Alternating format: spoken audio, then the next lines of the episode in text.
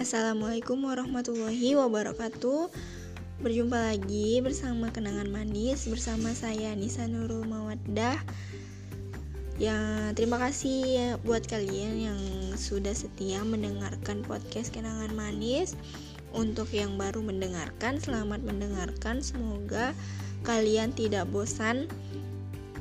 Dan terima kasih yang sudah mau berbagi cerita dan yang untuk berbagi cerita bisa kirimkan ceritanya ke Instagram at kenangan underscore manis underscore podcast atau bisa juga mengirimkan melalui email di at anisa nurul mawadda at gmail.com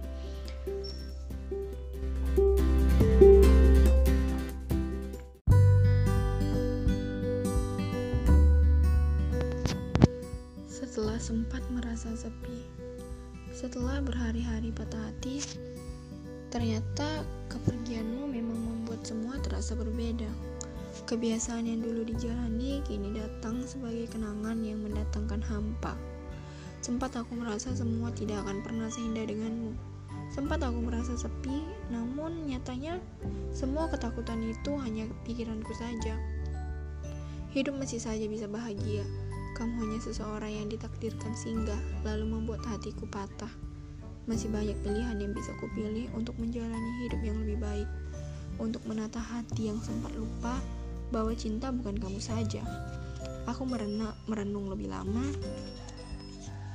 meyakinkan diri untuk lebih kuat lagi, pelan-pelan mencoba membisikkan kepada diriku, semua akan baik-baik saja.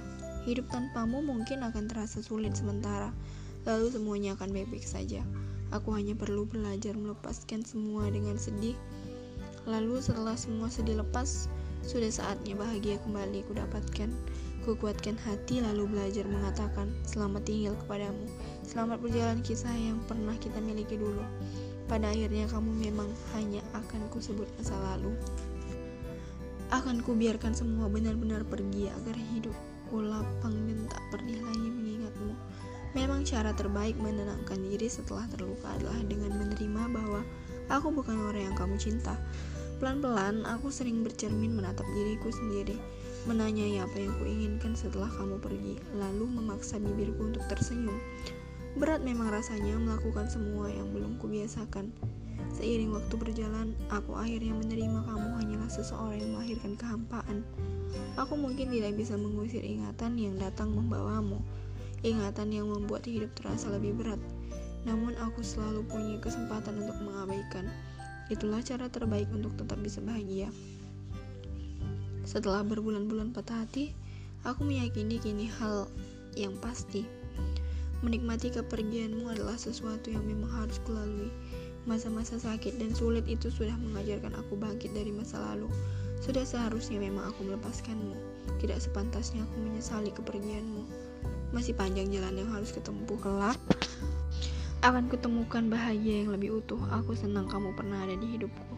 Meski sakit rasa hati saat kamu memilih berlalu, namun semuanya telah menjadi pelajaran berarti. Aku tidak menyesali pernah menjalani semuanya denganmu. Akhirnya lega setelah berhasil melewati masa-masa patah hati.